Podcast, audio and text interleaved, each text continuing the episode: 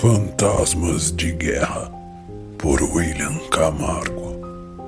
Era 1 de fevereiro de 1943. Estávamos perto de Stalingrado e nossa tropa já não suportava mais o peso da guerra. Não tínhamos mais força nem para discutir entre nós, com exceção de um homem, o sargento Dmitri. Como eu odiava aquele maldito com seu bigodão longo e curvado. Usava os mais cruéis apelidos e palavrões para nos motivar. Desde o treinamento, ele pegava no meu pé. Costumava me chamar de soldado granada, porque certa vez no treinamento atrasei demais o lançamento da granada após a remoção da trava. Ela explodiu quase em cima do pelotão. Eu fiz tantas flexões que o meu ombro ainda sente o peso daquele castigo.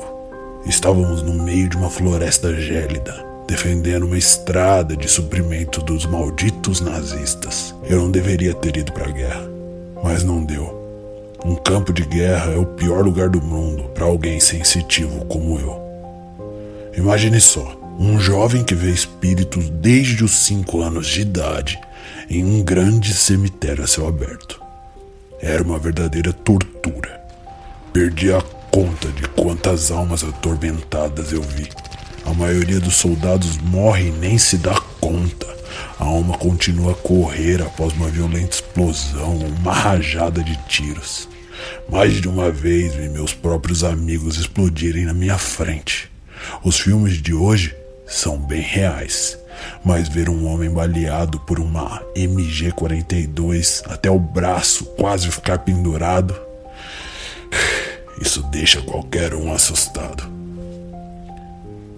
Aquela noite estava fria e a gente não podia nem acender fogueira. Estávamos de tocaia na floresta esperando o primeiro contingente. Nosso trabalho era avisar a guarnição da quantidade e distância dos alemães. Tínhamos acabado de plantar algumas minas terrestres e aguardávamos. O sargento Dmitri ficava perto de mim. No fundo, ele tinha medo que eu fizesse alguma cagada. Afinal, eu era o mais jovem. A noite estava calma, mas o frio impedia que dormíssemos. Foi quando uma explosão nos surpreendeu.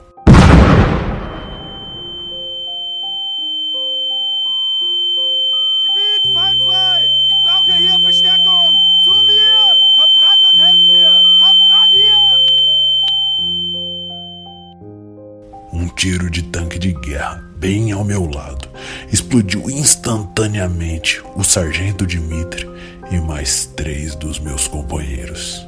Eu corri desorientado e só pude ouvir os tiros e explosões. Estávamos cercados e meu pelotão tinha sido emboscado. Sabia que não sobraria ninguém, e de fato não sobrou. No entanto, eu conheci aquela floresta e me escondi. Fiquei a noite inteira ali e os alemães avançaram. Ou seja, tinha nazistas me cercando por todos os lados. Eu precisava avisar a guarnição do ataque, senão era o fim do jogo naquele ponto. Um avanço crucial.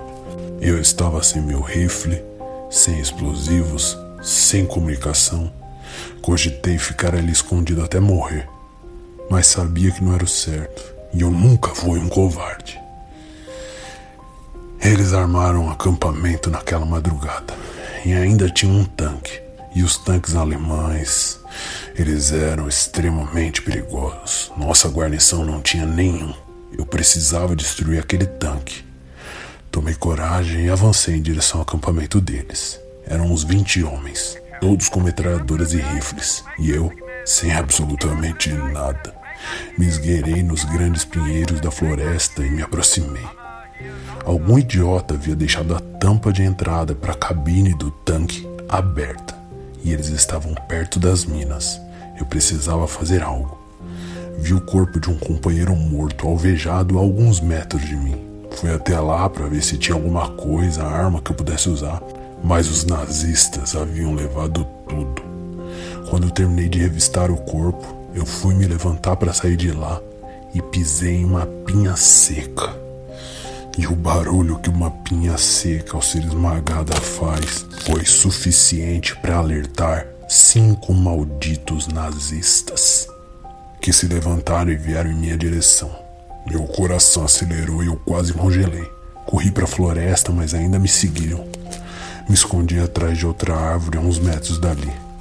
E eu sabia que me encontrariam. Era o fim da linha para mim.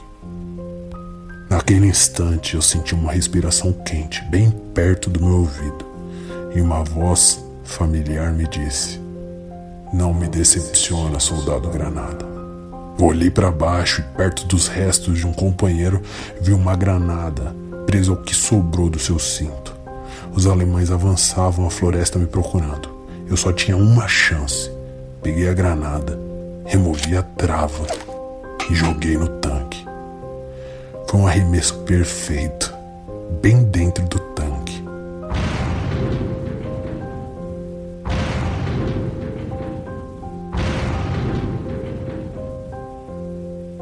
A explosão do tanque desencadeou a explosão das minas terrestres. Mandei os malditos nazistas pelos ares. Corri desesperado dois quilômetros sem parar e cheguei na guarnição. E naquele dia eu soube que o sargento Dimitri, pela primeira vez, havia se orgulhado de mim.